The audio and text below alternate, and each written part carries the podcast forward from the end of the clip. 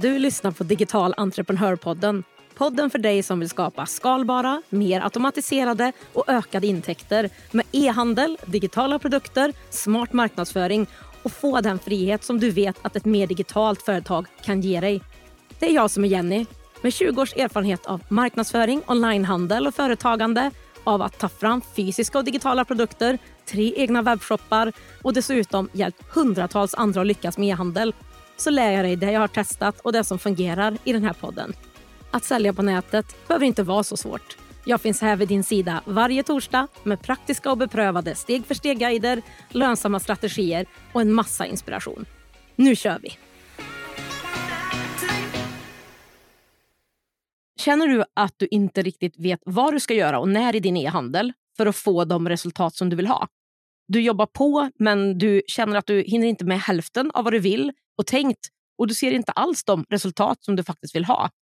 Men har du en konkret plan för att ta dig dit? Det är jätteviktigt att du har rätt erbjudande och produkter, att de är lönsamt prissatta, att du har en bra och tydlig bild över din ideala kund som du ska sälja till, att själva webbshoppen är uppbyggd på ett bra sätt och konverterar besökare till köpare och att du har en riktigt bra marknadsföring. Men om du inte vet slutmålet, vart du vill med din e-handel, hur du ska ta dig dit, hur vet du då hur du gör rätt saker och att du gör det vid rätt tidpunkt? Det gör du inte om du inte har en konkret plan för att ta dig till nästa nivå och nå de mål som du vill. För det gäller att ge dig själv rätt förutsättningar och struktur för att skapa tillväxten. Du behöver ha både kortsiktiga och långsiktiga mål med din e-handel. Mål för en e-handel är precis som för vilket företag som helst. Det kan vara omsättning, vinst och så vidare. Men när du har en webbshop så behöver du också ha koll på en mängd andra saker som till exempel antal ordrar, hur mycket i snitt varje kund köper för. AOV har du säkert hört, average order value. Antal besökare på webbshoppen, hur bra din webbshop konverterar, antal personer på din mejllista och så vidare. Har du inte koll på de här mätpunkterna löpande så kan du faktiskt inte styra din webbshop på ett bra sätt och ta rätt och grundade beslut. Ja, men du går istället på känsla när du verkligen skulle behöva göra tvärtom. Se på fakta, se på siffror och agera utifrån det. Och fråga dig själv nu helt ärligt. Hur ofta ser du på din statistik för din webbshop eller din marknadsföring och tar action utifrån det? Jag kallar det här för Big Business Foundation. Att styra ditt företag, inte som ett litet företag lite på liksom sidan sådär, utan att göra det som ett större proffsigare företag skulle göra.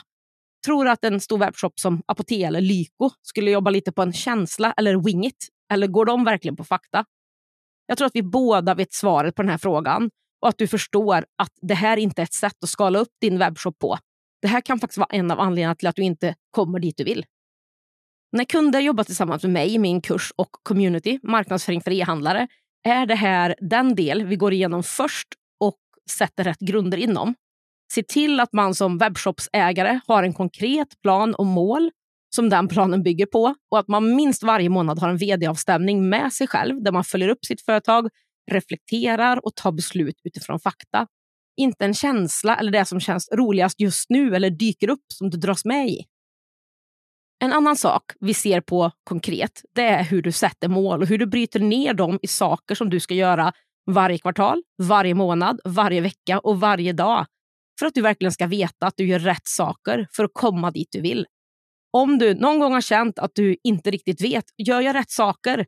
Gör jag det vid rätt tidpunkt? Så är det här lösningen på det problemet. För då vet du faktiskt att du gör rätt saker för att nå de mål som du sagt till dig själv att du vill komma till. När det kommer till att sätta mål så utgår jag alltid från mitt varför med webbshoppen, mitt why eller vad man nu vill kalla det för. Vad är mina mål med den här?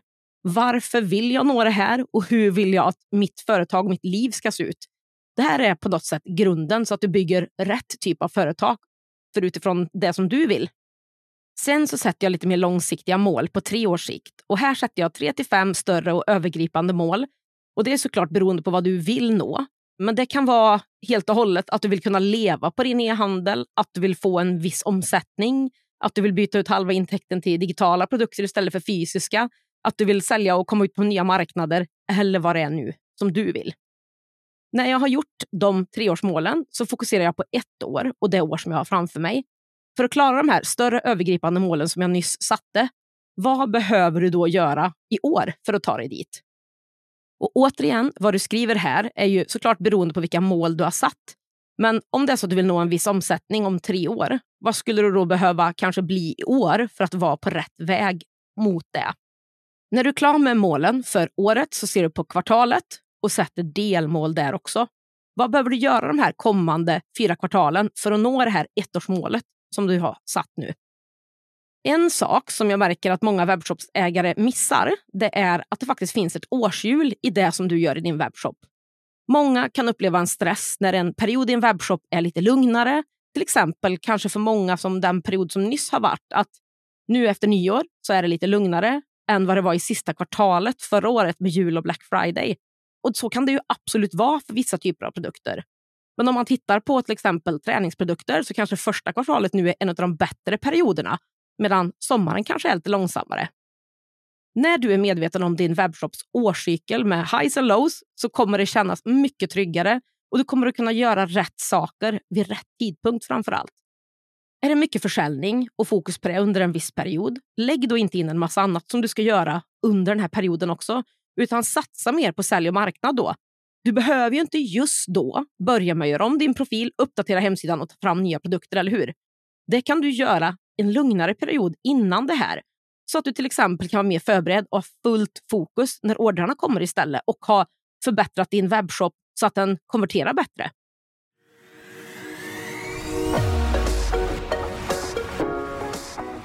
Digital entreprenörpodden görs i samarbete med Ebbecart, en av Sveriges största e-handelsplattformar. Ebbecart vill ge alla möjlighet att starta och driva en grym webbshop och är den plattform jag själv använder och rekommenderar för dig som vill starta din e-handelsresa. På ebbicart.se kan du testa, bygga och till och med börja sälja i din e-handel under 30 dagar innan det kostar en enda krona. Kom igång direkt på ebbicart.se. Men med det här så säger jag ju såklart inte att du ska sluta marknadsföra dig och sälja under vissa perioder. Inte alls. Jag vill bara att du ska vara medveten om att det finns skiftningar under året och att försöka prioritera rätt saker vid rätt tillfälle när du planerar ut de här delmålen per kvartal. Sedan behöver du såklart konkretisera ner vad du då behöver göra mer praktiskt för att nå de här delmålen som du har satt upp under kvartalet. Jag har till exempel alltid minst kanske en större kampanj eller lansering per kvartal. Och Det är sånt man funderar på hur man vill göra själv såklart. När du har gjort mer aktiviteter för kvartalet så går du ett steg till med en grov plan för årets kommande 12 månader och det har du ju nästintill gjort där redan. Över vad som ska göras och kanske mer i detalj det närmsta kvartalet, för det har man ju oftast mer information om. När du har gjort det här så kan du sen bryta ner de viktigaste sakerna som du ska göra varje vecka och varje dag. Sen har du en konkret plan för att nå de mål som du vill. Och är det så att du kommer på dig själv med att åh, här kom det en ny sak, det här vore ju kul. Innan du stoppar in de här nya sakerna, som ju alltid kommer från höger och vänster, fråga dig själv om de är viktigare att göra än det du har planerat in för att nå de målen som du faktiskt själv har satt. Innan du bara sätter dig och tar tag i de här uppgifterna som alltid dyker upp. För att samla mina mål, delmål och konkreta aktiviteter under året så använder jag ett projekthanteringssystem och det jag använder heter Asana. Jag tycker att det är smidigt med ett digitalt system som jag kan följa upp i löpande men även kunna dela med andra som jobbar ihop med mig. Och I Asana har jag även samlat SOPS, Standard Operating Systems. Det här är system som gör det snabbare för mig att växa och ta in hjälp, men även gör jobbet effektivare för mig och dig själv.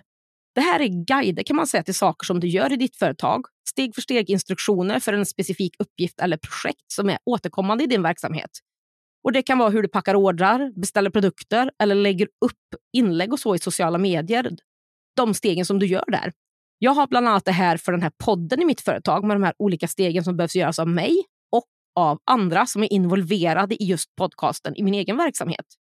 För när det blir mycket ordrar och du får en tillväxtpuckel och det börjar ta fart, det är inte då du vill sitta och lära andra hur de gör de här uppgifterna som du inte hinner med. Det är då du vill ha färdiga steg för steg-beskrivningar som den du tar in bara kan ta vid och komma igång snabbare och enklare. Så det här är en sån sak som du behöver prioritera nu i den här fasen innan du liksom får den här tillväxtpucken.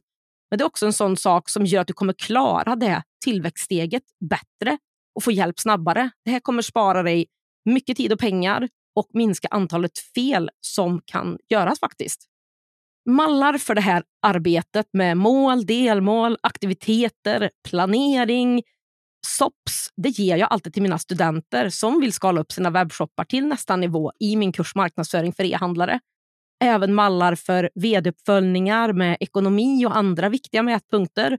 Och såklart hur du hittar de här siffrorna och analyserar dem. För som jag sa inledningsvis, det här är superviktigt för att ge dig själv rätt förutsättningar och struktur för tillväxt. Ett sista tips då kring det här. Det är lätt att man bara går in lite i samma hjulspår som man alltid har gjort och tänker men nu när jag sätter mitt mål här för året så ökar jag bara omsättningen lite grann. Eller jag försöker väl dubbla den i år igen. Och man liksom tänker lite som man alltid har gjort. Men vad händer om du istället tänker att du ska femdubbla omsättningen under det kommande året? Vad är det för företag som du behöver ha då? Vad är det för webbshop du behöver ha då? Vad behöver du göra då? Vad behöver du förändra då? Vad behöver du sluta med då? Vad behöver du börja med? Visst ger det här ett helt annat perspektiv. Visst, man kanske inte kommer komma riktigt in till den femdubblingen direkt, eller så gör man det. Men man kommer troligtvis mycket, mycket högre än om man bara hade fortsatt sett mål och tänkt på samma sätt som man alltid har gjort, eller hur? Här står jag nu i mitt eget företag och att tänka mycket, mycket större och what got me here won't get me there.